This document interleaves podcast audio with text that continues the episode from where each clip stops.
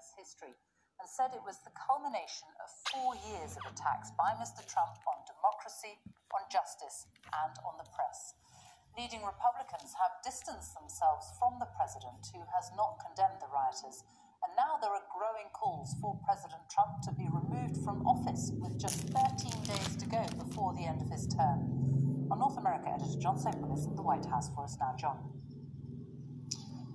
Sophie, Donald Trump has always been able to act with impunity.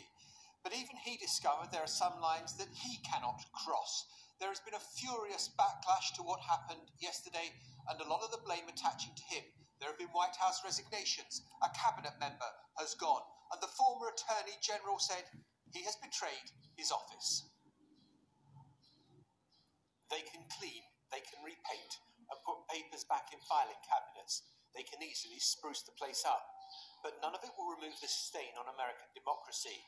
The Trump supporting, Trump inspired rioters in what's being described as an attempted insurrection have certainly left their mark.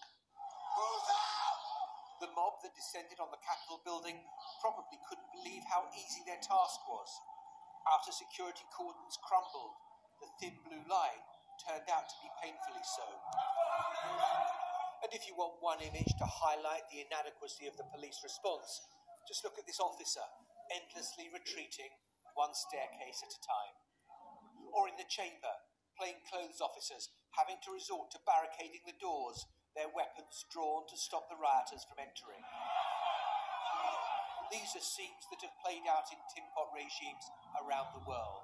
But in America, this beacon of democracy, this protester, Ashli Babbitt, was killed.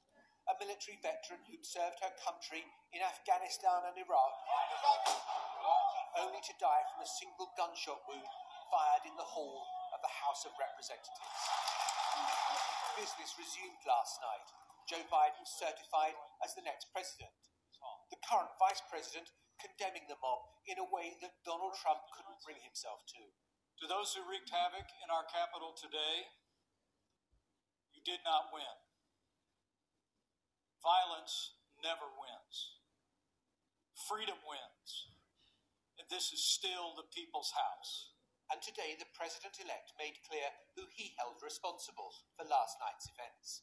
The past four years, we've had a president who's made his contempt for our democracy, our Constitution, the rule of law clear in everything he has done. And yesterday was but the culmination of that unrelenting attack. Oh, there we go.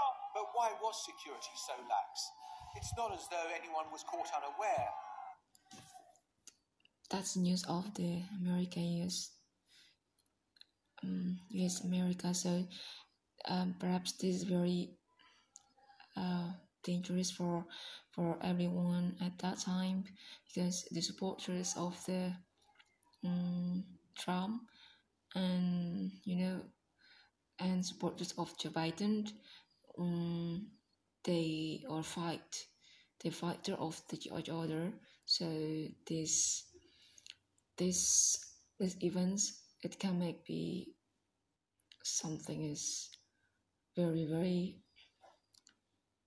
horrible and then that's very not comfortable of that country because many people or people perhaps almost people make it fight um, or is it something like it's to destroy the things uh, about the the good. So um that's elections of the result. Perhaps that uh, other people will not um, don't make it something like equipment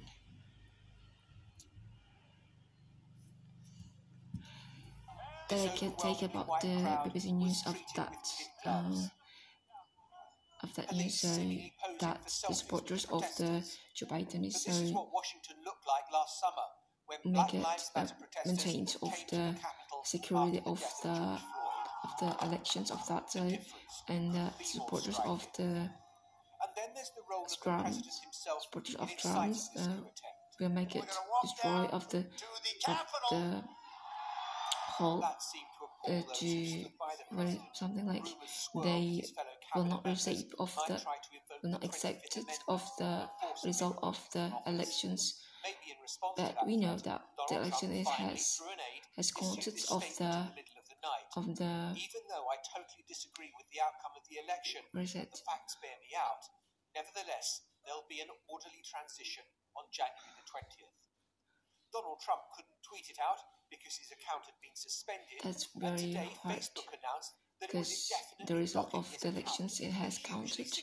But um, many people, honest people, Speaker of the will not Nancy receive when Pelosi, accepted of the result. So occupied by this protester, that's why is upping the it can make something like the Democratic leader in calling on cra- the Vice President crash, something like it's a fight immediately pure people and it's so If the very not the peace of move country. That's it of the news of the BBC London today the the about US America. Carnage, as he called it, would end right here, right now. But last